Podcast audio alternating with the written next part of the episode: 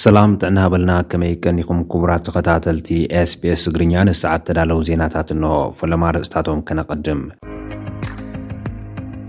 ብመንግስቲ ዝተኸልከለ ኣኸባ ሕወሓት ንኻሊ መዓልቲ ተናዊሑ ኣንጻር መንግስቲ ኤርትራ ዝቃለስ ብርጌድ ንሓመዱ ምንቅስቓሳቱ ኣብ ከተማ ዓዲግራት ከም ጀመረ ተገሊጹ ፅላል ሲቪል ማሕበረሰብ ምዕራብ ትግራይ ኣብ ህልው ኩነታት ኣመልኪቱ መግለፂ ሂቡ።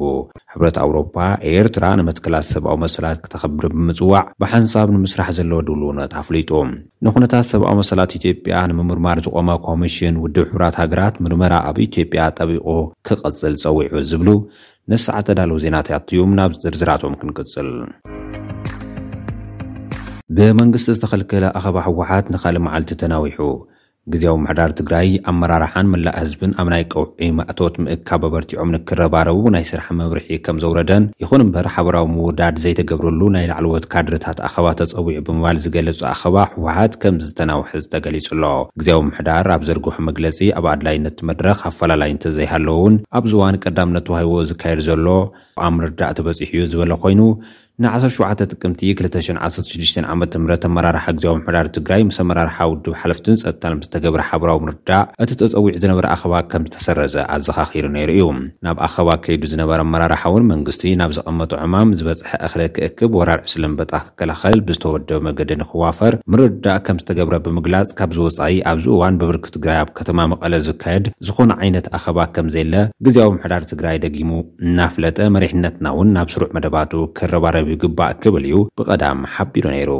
ከም ውጽኢቱ ድማ ትማሊ ሰንበት ካብቲ ንኣኸባ ንመቐለ ኣትዩ ዝነበረ ኣመራርሓ ህወሓት እቲ ኣኸባ ክሳብ ዓሰርተ ሓሙሽተ መዓልታት ኣብ ዘለዉ እዋናት ክካየድ ተረዳዲኡ ከም ዝተበተነ ተገሊጹ ኣሎ።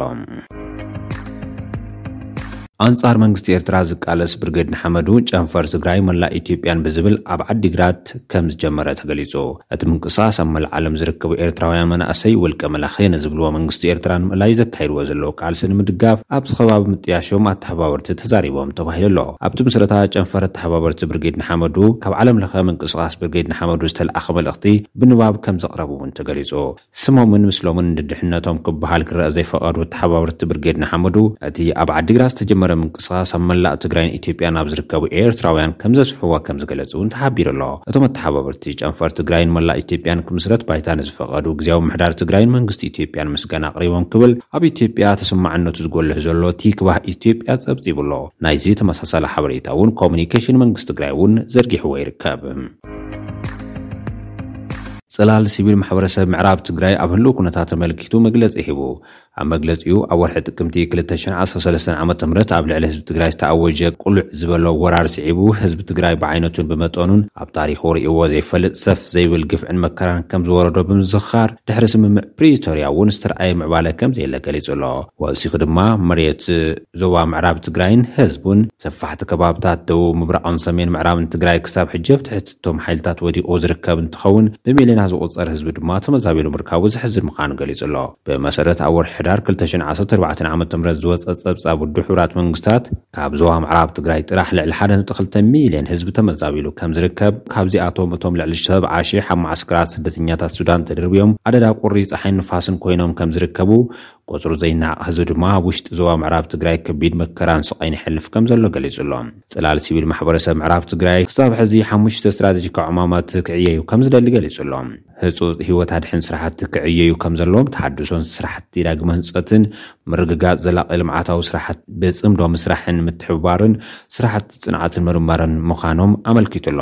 ቀዳምነት ክፍፀሙ ዝፀውዖም ድማ ህዝቢ እኹል፣ ስሉጥን ቀፃልነትን ዘለዎ ሰብኣዊ ሓገዝ ክረክብ ሓቲቱ ኣሎ። ብዘይ ውዓል ሕደር ብውሑስ መገዲ ናብ መረበቱ ክምለስ፣ ሰላም፣ ፍትሒ፣ ንኹሉ ዝሓቖፈ ዘተን ሕብረተሰባዊ ምርድዳእን ክነግስ፣ ዝዓነወን ዝተጎሓለን ንብረቱ፣ ሃፍቱ፣ ካሕሳ ክረኽበሉ፣ ፀገማት ማሕበረሰብ ዝፈትሑ ምርምራትን ማሕበረሰብ ተኮር ፕሮጀክትታትን ክሳለጡ ዳግመ ህንፀትን ሕውየትን ክድገፍን ክዕማምን ጂኦፖለቲካዊ ኣቀማምጣን ተፈጥራውን ሃብቲ ዞባ ምዕራብ ትግራይ መሰረት ዝገበረ ፍሉይ ቆላሕታን ሓለዋን ክግበር ከምዝደሊ ገሊፁ ኣሎ።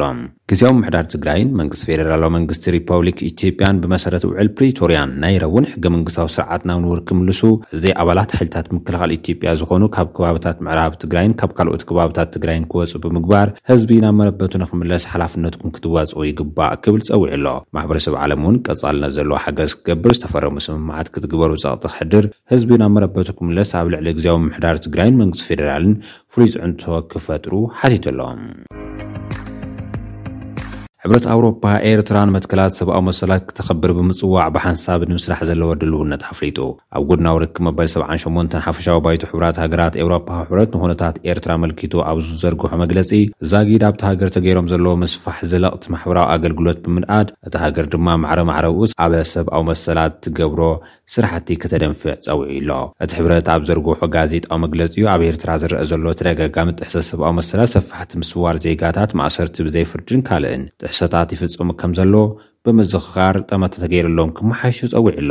ሕብረት ኣውሮጳ፣ ጠንቂ ጃምላዊ ስደት ኤርትራውያን ገደብ ኣልቦ ዝበሎ ሃገራዊ ኣገልግሎት ስለዝኾነ፣ ነቲ ተርእዮ ንምዕጋት ምምሕያሽ ክግበር'ዩ ጸዊዑ ዘሎ። እቲ ምግለጽ ወሲኹ፣ ሰራዊት ኤርትራ ካብ መሬት ኢትዮጵያ ጠቕሊሉ ክወጽእን ንምውጽኡ ድማ ብሳልሳይ ኣካል ክረጋገጽን ጸዊዑ'ዩ። ኮምሽን ዶብ ኢትዮጵያን ኤርትራን ቆይሙ ነቲ ዝረኣ ዘሎ ግፍዕታት ክመሚ ንጹርነት ቦታታት ብግልጺ ከቐምጥ እቲ ሕብረት ኣብ መግለጺኡ ኣስፊሩ ኣሎ። ሕብረት ኣውሮፓ ኣብ መወዳእታ፣ ኤርትራ በቲ ኮሚሽን ሰብኣዊ መሰላት ሕቡራት ሃገራት ዝግበር ሓሙሽተ ዓመታዊ ገምጋም ምስታፋ ድሕሪ ምምጓስ፣ ሕብረት ኣውሮፓ ምስ መንግስቲ ኤርትራ ዝግበር ክልተኣዊ ጽምዶ ንምስራሕ እውን ድሉው ምዃኑ ኣፍሊጡ እዩ። ኤርትራ ግን ነቲ ሕብረት ኣውሮፓ ኣብ ልዕሊ መዝገብ ሰብኣዊ መሰላት ኣብ ዘቕረቦ ነቐፌታ ነጺጋቶ ኣላ። ወሃቢ ቃል መንግስቲ ኤርትራ የማነ ገብረመስቀል፣ ሕብረት ኣውሮፓ ብዛዕባ ሃገራዊ ወተሃደራዊ ኣገልግሎት ኤርትራ ክዛረብ ሞራል የብሉን ክብል እዩ ነቒፉ ዘሎ። ንኩነታት ሰብኣዊ መሰላት ኢትዮጵያ ንምምርማር ዝቖመ ኮሚሽን ምርመራ ኣብ ኢትዮጵያ ክጠብቕ ፀዊዑ። ብሕቡራት ሃገራት ዝተጣየሸ ንኩነታት ሰብኣዊ መሰላት ኢትዮጵያ ንምምርማር ዝቖመ ኮሚሽን ማሕበረሰብ ዓለም ንትግባረ ሰብኣዊ መሰላት ብቐረባ ክከታተልን ንትግባረኡ ፀቒጡ ክሰርሕን ፀዊዑ ኣሎ። ኣቦ ወንበር'ቲ ኮሚሽን ዝኾነ መሓመድ ቻንድ ኦትማን ኣብቲ ኒውዮርክ ዝተጋበ ዋዕላ ኮሚሽን ሰብኣዊ መሰላት ሕቡራት ሃገራት ኣብ ዘስምዖ ቃል፣ ኢትዮጵያ ኣብ ጸሊም ታሪኻዊ ህሞት ብምህላዋ፣ ብኹላቶም ተሳተፍቲ ኣካላት ግርጭት ጥሕሰታት ሰብኣዊ መሰላት ይፍጸም ከምዘሎ ገሊጹ ኣሎ። እቲ ኣብ ታሕሳስ ክልተ ሽሕን ዕስራን ሓደን ዝቖመ መርማሪ ኮሚሽን ኣብዚ ቀረባ እዋን ዝተቓንዐ መበል ሓምሳን ኣርባዕተን ኣኸባ ኮሚሽን ሰብኣዊ መሰላት ሕቡራት ሃገራት ዕድመ ስልጣኑ ከምዘይተናውሐሉ ዝፍለጥ እዩ። ኢትዮጵያ ነቲ ዝተኻየደ ግፍዕታት ባዕላ ክተጻሪ ምውሳና እቲ ዘድሊ ምትሕብባር ምስ ኮምሽን ዘይምርኣያ እቶም ዝተበደሉ ወገናት ፍትሒ ዘናድዩሉ ስፍራ የለን ዝበለት ኮምሽን፣ መንግስቲ ኢትዮጵያን ማሕበረሰብ ዓለምን ንተበደልቲ ፍትሒ ዘንግስሉ መገዲ ክናደዩ ኣትሪሩ ጸዊዑ'ሎ። ኮምሽነር ኦትማን ኣብ መወዳእታ፣ ሚልዮናት ግፍዒ ዝበጽሖም ህዝቢ ኢትዮጵያ ፍትሒ ንምንጋስ ይጽበዩ ስለዘለዉ፣ ኩነታት ሰብኣዊ መሰላት ኣብ ኢትዮጵያ ካብ ናይ ቀረባ ክትትል ማሕበረሰብ ዓለም ክርሕቕ የብሉን ክብል እዩ ተማሕጺኑ ዘሎ።